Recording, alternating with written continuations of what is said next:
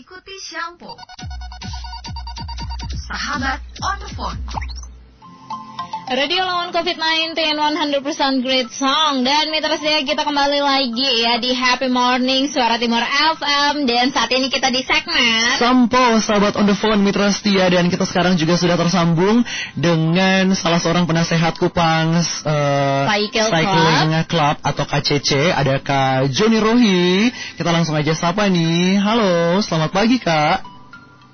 Halo selamat pagi Surat Timur Kupang dan seluruh pemirsa Surat Timur di mana pun berada. Yeay, Salam apa sehat. kabar ke pagi ini? Salam sehat. Kabarnya kabar baik, cuaca cerah kota Kupang, dan berharap semua di Surat Timur dan pemirsa semua juga dalam kondisi yang sama. Puji Tuhan. Oke. Okay. Nah, kesibukan di pagi hari ini apa aja nih Kak? Uh, saya pribadi ya masih aktivitas rutin, teman-teman mm-hmm. yang lain juga saya lihat kalau di grup ada yang lagi bersepeda karena aktivitasnya akan terjadi di siang hari mm-hmm. dan ini membawa suasana sukacita tersendiri di Mbak Nur dan rekan. Oke, okay, amin, okay. amin.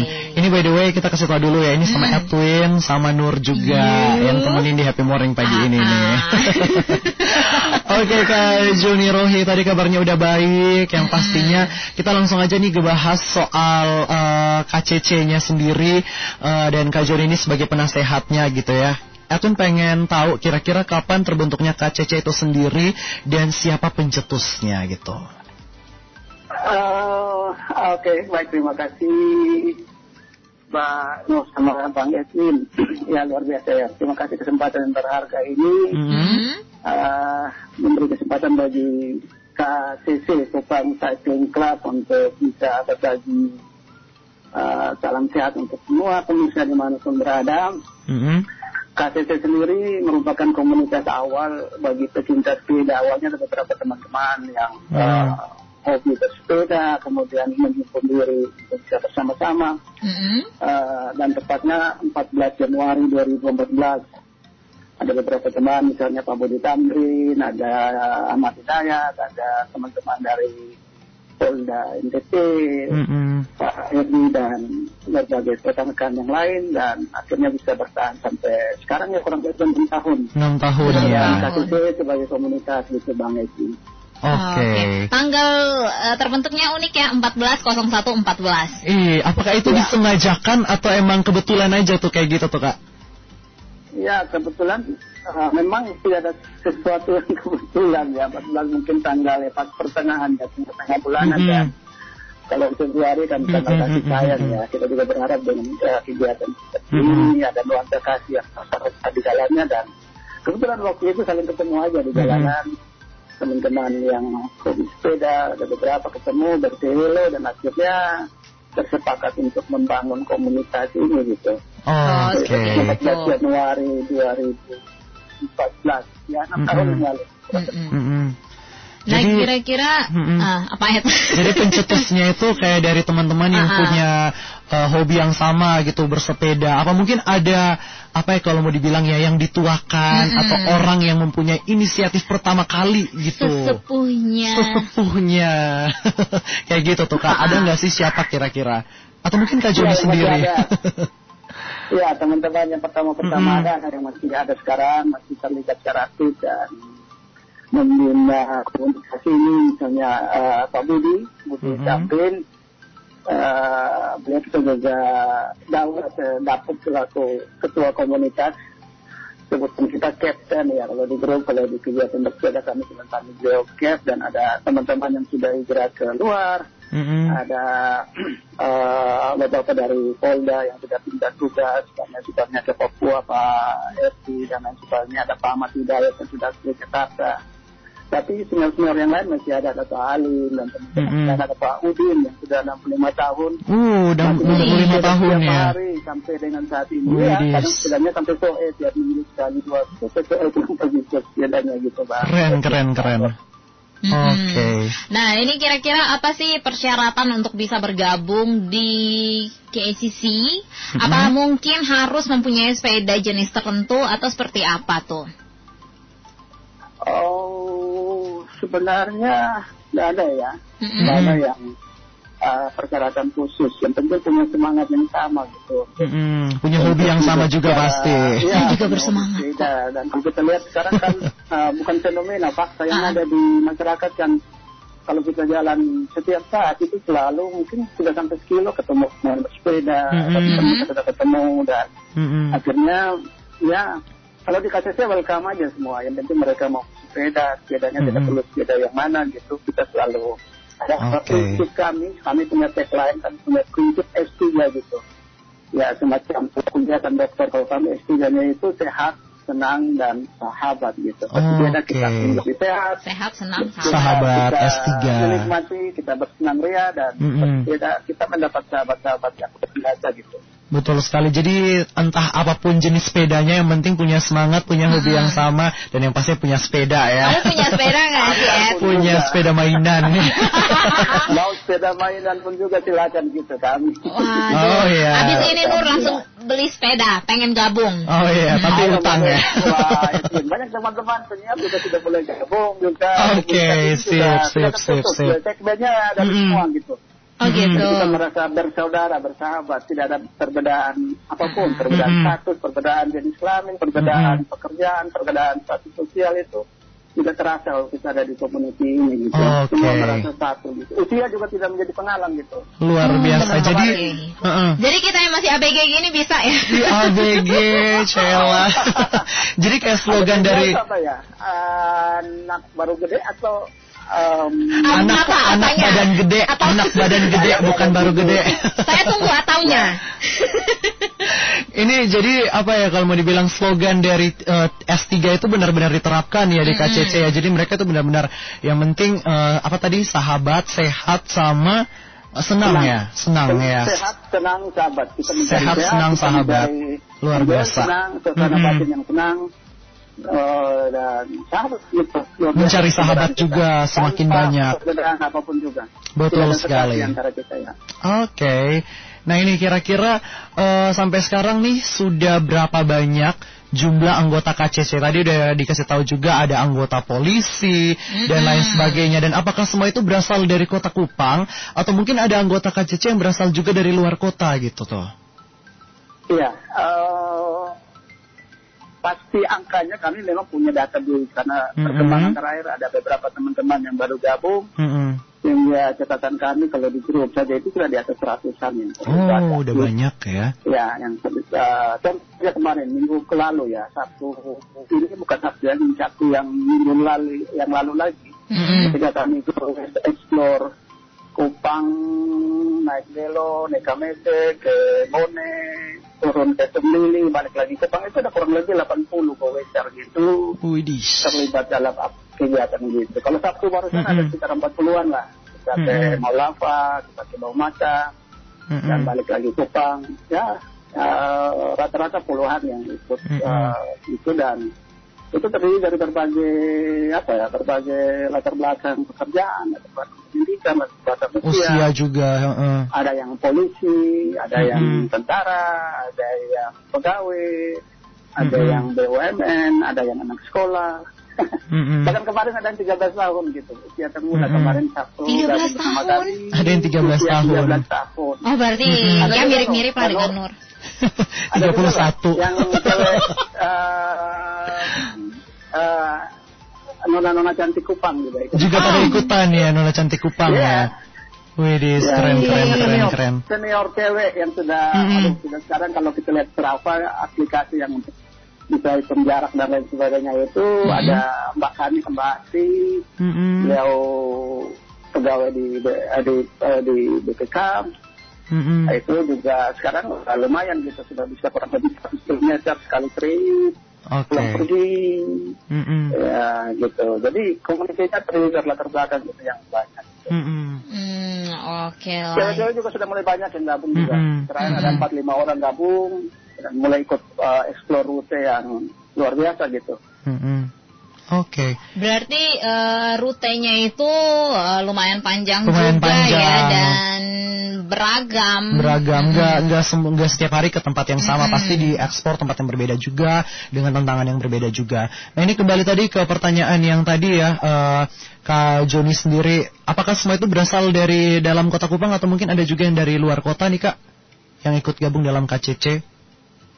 Uh, lebih banyak ya dalam kota Kupang. Lebih banyak dalam kota Kupang. Ada beberapa, Tapi ada juga ada ya. yang hijrah. Tapi satu informasi, mm -hmm. KCC sebagai komunitas yang ya mau dibilang awal juga takut salah gitu, tapi mm -hmm. uh, ya cukup ramai. Memang dulu ada komuniti komuniti berbasis uh, tempat bekerja, mm -hmm. berbasis daerah dan lain sebagainya. Tapi KCC itu dia lebih dihimpun semua gitu. Mm -hmm. Jadi dalam KCC ada ada lagi gitu komuniti-komuniti yang lain atau dari KCC melahirkan lagi ada komunitas-komunitas baru lagi gitu, mm-hmm. tapi mereka tetap bernaung juga di bawah bendera besar KCC. Oh, seperti KCC, itu. Mm-hmm. Uh, mereka selalu teman-teman ini yang sudah membentuk grup-grup kecil, komuniti-komuniti kecil, mm-hmm. uh, kembali. Tapi lebih banyak 90-an persen itu uh, anggotanya itu di kota Kupang ya. Mungkin beberapa di pinggiran kota Taru mm-hmm. dan beberapa mm-hmm. tempat yang lain agak kecil aktivitas kami lebih banyak di hari Sabtu. Oh, lebih hari banyak Sabtu. di hari Sab ya. Sabtu ya. Oke. Okay. Nah, ini markasnya di mana sih? Kalau boleh tahu ya. Mas uh, markas kan, tempat berkumpulnya uh, gitu. Kami biasa kalau berkumpul itu meeting point-nya itu biasa di depan Bank Indonesia Tari gitu. Oh, di Altari. Jadi Sabtu pagi tanpa ngumpul kita kalau lihat kalau untuk dari dulu ada Car Free Day, mm -hmm. kita selalu di situ gitu. Mm-hmm. Jam enam kita kumpul, setengah tujuh, menjelang jam tujuh kita udah dari mm-hmm. yang baru sambil mengeksplor potensi-potensi wisata di daerah-daerah mm-hmm. kota dan pinggiran gitu. Dan ternyata kita punya potensi yang luar biasa gitu Bang Edwin. Sehingga tidak perlu jauh-jauh lagi kita mencari uh, destinasi untuk mm-hmm. berlibur. Kita sudah pernah eksplor uh, Lamanda, pernah eksplor uh, Liman, pernah eksplor uh, beberapa destinasi Pantai Puru mm-hmm. dan tempat-tempat yang lain itu apalagi daratan timur ini sudah hampir uh, teman-teman gitu kalau mau ditata gitu mbak Mm -hmm. Oke, okay, jadi kalau mau dibilang juga kan KCC ini kayak uh, apa ya komunitas sepeda itu kayak kalau mau didengerin kalau Edwin sendiri ya pribadi ya kayak komunitas yang apa ya masih anti mainstream gitu. Karena kalau yang lebih sering kita tahu kan komunitas motor itu kan iya. banyak. Mm-hmm. tapi kalau komunitas sepeda ini kayak baru juga ya di Kota Kupang yang Edwin tahu tapi ternyata udah terbentuk dari 2014 mm-hmm. gitu dan udah tahun, dan dan yang pastinya kalau udah dari 2014 udah enam tahun pasti sudah banyak juga kegiatan-kegiatan yang dilakukan oleh Kak Joni dan teman-teman gitu ya. Nah ini ada titipan pertanyaan dari Mitra Setia di rumah yang lagi dengerin nih Kak John katanya um, kegiatan terakhir apa nih yang dilakukan oleh KCC dan juga apakah ada kegiatan sosial yang dilakukan yang dilakukan oleh KCC terkait dengan pandemi virus corona ini nih? Oke, ya uh, karena memang uh, ada di kegiatan bersepeda, jadi kegiatan-kegiatan KCC juga tidak akan beda jauh dari bersepeda gitu, termasuk beberapa hmm. kegiatan-kegiatan sosial terkait hmm. pandemi misalnya bulan kemarin itu KCC mengeksplor lelogama gitu. Lelogama. Masker kepada masyarakat di sana. Wow. Itu bersepeda. bersepeda. Bersepeda. Dari, Dari Kupang. Ya. Kupang. Dari Kupang, Kupang sampai Lelogama. Ada yang Kupang ya, Kupang Lelogama, wow. pergi tapi ada beberapa teman-teman kita karena ada bawa material, ada yang loading Sakari, kemudian mm -hmm. sekitar 40-an kilo, 80-an pulang pergi uh, ke Lelogama dengan mm -hmm. kita lumayan itu. Waduh. Tanjakannya itu masuk level Allah Oh, okay. Itu Nur bolak-balik langsung deh. Paha sama betis naik. itu iya. itu benar-benar persiapannya di bawah semua menggunakan sepeda atau mungkin ada kendaraan lain yang hmm. membantu gitu ngedrop barang ke sana atau kayak gimana tuh? Ada, ada. Oh ya. Yeah. Kalau kalau begitu biasanya kita ada sudah siapkan terlebih dahulu ya. Mm -hmm, benar. Karena ketika kita bersepeda di sana kita lihat banyak masyarakat waktu saat uh, uh, mulai uh, mewabahnya COVID itu masyarakat di sana itu tidak menggunakan masker sehingga ada inisiatif dari teman-teman mm-hmm. kemudian kita coba menggagas sebuah bakti sosial dan uh, ada uh, teman-teman KPC yang juga ke sana sambil bersepeda mm-hmm. dan melakukan kegiatan-kegiatan sosial di bawah pimpinan ketua kami Pak Budi gitu.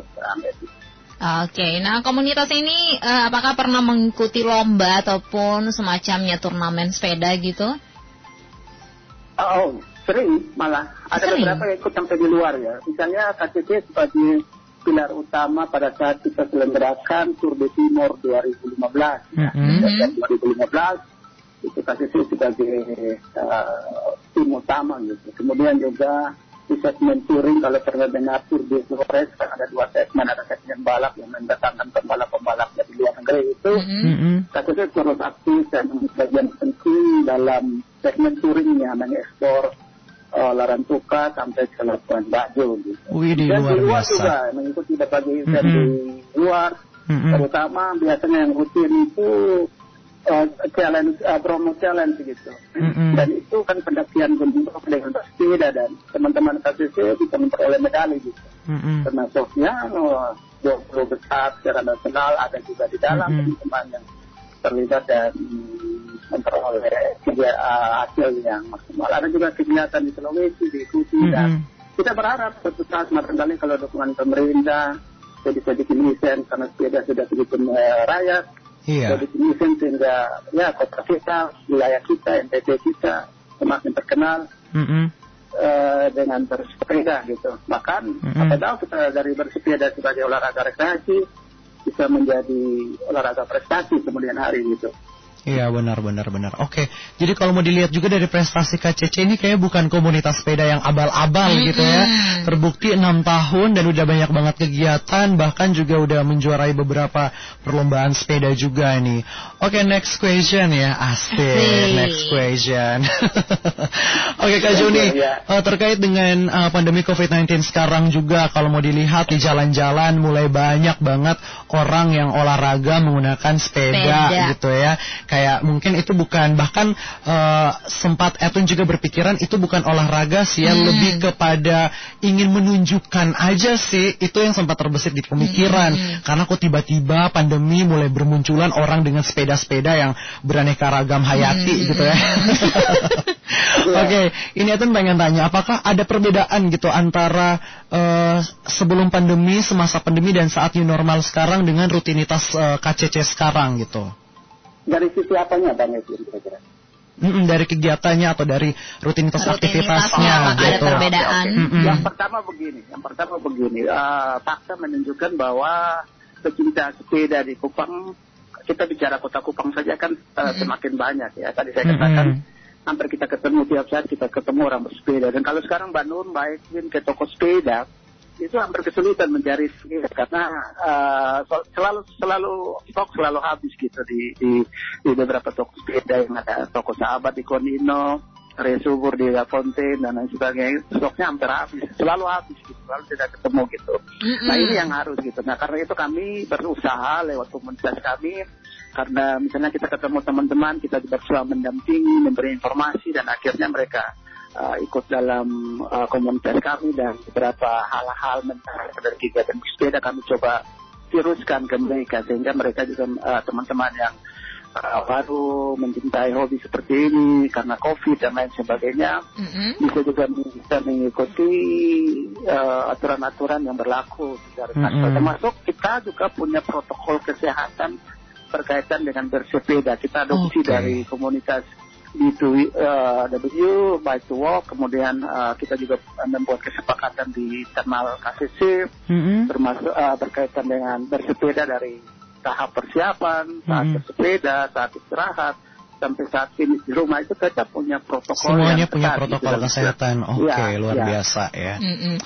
nah uh, kita ngomongin tentang sepeda nih kira-kira uh, manfaat bersepeda di mata Kak Joni sendiri itu seperti apa? Oh ya kalau soal manfaat kami yakin uh, ya ini pasti berkaitan dengan uh, kesehatan dan kalau bicara soal COVID kan kita bicara soal imun tubuh gitu dan bersepeda ini kalau kita coba uh, googling kita coba uh, browsing dan lain sebagainya tuh itu sangat sangat mm -hmm. bermanfaat uh, cukup banyak gitu misalnya mm -hmm. berkaitan dengan kesehatan dia meningkatkan kekuatan otot mm -hmm. dalam stres gitu kalau mm -hmm. kita stres saya alami kalau uh, banyak banyak banyak pikiran, banyak pekerjaan juga di luar. plong gitu. Uh, uh, uh, okay. Genjot uh, kita semakin genjot ya itu apa? Uh, adrenalin kita bekerja dan Mm-mm. stres kita menjadi hilang gitu. Benar, Kemudian benar, benar. uh, menjaga badan-badan tetap ideal gitu. Kemudian menyehatkan tulang, Mm-mm. merawat uh, kondisi sendi, Mm-mm. uh, menurunkan risiko kanker, Mm-mm. menurunkan risiko diabetes, Mm-mm. mengatasi insom, menyehatkan paru-paru, jantung terutama. Mm-mm. Ini juga mencegah penyakit jantung karena uh, pros, apa uh, kardiornya terbentuk uh, pro- atau pada saat kita mengayuh uh, meningkatkan uh, kemampuan otak gitu Mm-mm. karena aliran darah kita jadi lebih bagus gitu, perkuat sistem kekebalan tubuh. Mm-mm. Kemudian hal yang penting juga kita men- uh, meningkatkan kehidupan sosial kita gitu. Ah, Kita punya oke. teman yang banyak, kita punya Ah. sahabat yang banyak, kita punya kepedulian di grup, kita saling bersielo. Kalau ada persoalan kita kita menjadi menjadi uh, happy gitu, menjadi happy Mm-mm. menikmati Mm-mm. hidup. Wih. Kemudian kesehatan mental juga. Mm-mm, Saya mental kemarin juga ya? ya. Ya mengalami itu gitu. Mm-mm. Uh, ketika ya usia seperti kita ya kita naik tangga di rumah yang cuma dua tiga anak tangga juga kesulitan gitu. Kan Mm-mm. kita ternyata bersepeda eh, ya mulai enak. Gitu. Teman saya yang bersepeda kemarin tergantung sekali kalau paru apa eh, pakai apa Mm-mm. asmanya itu obatnya Oh, iya, benar, itu, benar. Tapi dengan bersepeda apakah karena bersepeda tapi setelah aktif bersepeda Mm-mm. eh, obat tersebut ditinggalin gitu. Ditinggalin. Karena Ditinggalin. mulai ya. Benar-benar Karena jadi dengan juga bersepeda nafasnya teratur. teratur Ada ya. teman-teman juga Mm-mm. dan ini kalau kita browsing juga mengatakan mengamini itu juga bahwa dengan bersepeda meningkatkan kemampuan seksual kita dalam artian kita Oke. punya vitalitas menjadi ter tetap eh, bagus gitu bang Mm-mm, Edwin. mm-mm. Oh ya lebih lebih luar biasa ya ternyata bukan cuma sekedar hobi tapi ini juga bisa mendatangkan kesehatan buat kita juga ya kesehatan fisik, mental, psikis dan lain Nah, sebagainya. jadi kalau gitu. kamu pengen tubuh yang ideal, bersepeda lah ya. Bersepeda lah, Harus siap, siap, siap. Bang bang Edwin ayo kita toko sepeda yang di Buadino. Mm-mm. Ini bukan lagi promo toko sepeda kan? Kasih saya, merekomendasi gitu. Oh rekomendasi, Rekomendasi. oke sip deh. Nah ini yang paling terakhir di last question, apa harapan ya dari Kak Joni sendiri sebagai penasehat Kupang Cycling Club atau KCC sendiri terhadap masyarakat yang gemar bersepeda dan untuk KCC sendiri harapannya seperti apa? Ya, pertama kita lihat ke pecinta sepeda ini semakin banyak. Ini kan Yes. kita harus lihat sebagai sebuah kekuatan ya, kekuatan sosial dan kita lagi membangun eh, citra daerah kita gitu misalnya. Eh kita kepingin ya dari community kepingin ada sebuah event yang bisa menghimpun kita secara periodik gitu. Eh, dan bahkan kita bisa juga mendatangkan para pesepeda dari luar dan lebih banyak mengenal daerah-daerah kita karena kita punya potensi wisata yang luar biasa. Di, di daerah kota, di pinggiran kota, eh, kalau kita keluar lagi ke lebih luar di Patuleu, di oh, ke Soe, ke Aceva, Tambua, Malaka, Flores, Sumba. Nah, komunitas-komunitas itu kan sudah ada gitu. Nah, kalau ada yang apa ya memicu uh, itu dan menghimpun sehingga kegiatan bersepeda ini tidak saja sebagai hobi, tapi dia juga bisa membuat uh, sesuatu yang lebih luas lagi memberi manfaat bagi daerah sehingga Kupang dikenal sebagai kota pesepeda walaupun uh, medannya tidak seperti di tempat lain tapi karena kegiatan bersepeda ini kuat ya kita berharap ada kepedulian uh, dari pemerintah juga ikut membina gitu, membina uh, komunitas-komunitas seperti ini sehingga kegiatan sepeda bisa menjadi terarah dan memberi manfaat bagi tidak saja bagi pribadi tapi memberi manfaat bagi daerah juga, Pak. Oke. Oke. Oke, jadi itu ya harapannya ya Kak ya. Halo? Yuk. Iya, ya. Oke.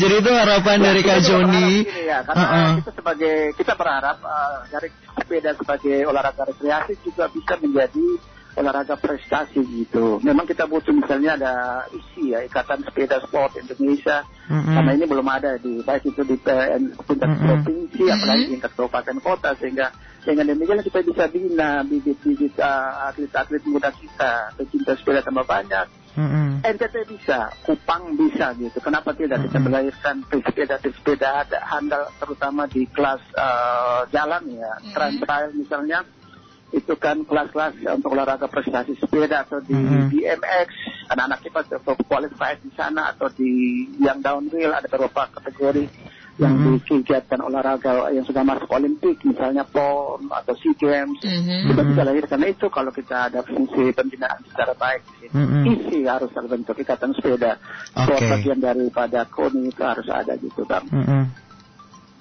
Oke deh kalau gitu uh, terima kasih juga ya buat uh, Kak Joni yes, yang sudah meluangkan waktu hmm. Untuk kita bincang-bincang sedikit di Radio Suara Timur pagi ini. Semoga selepas ini aktivitasnya kembali lancar ya Kak ya.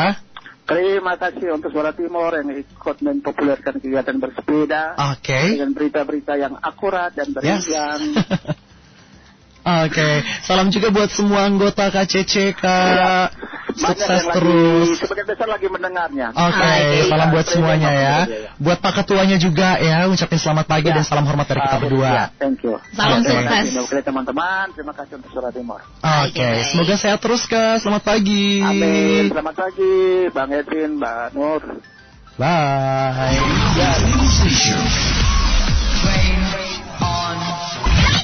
Rock Radio.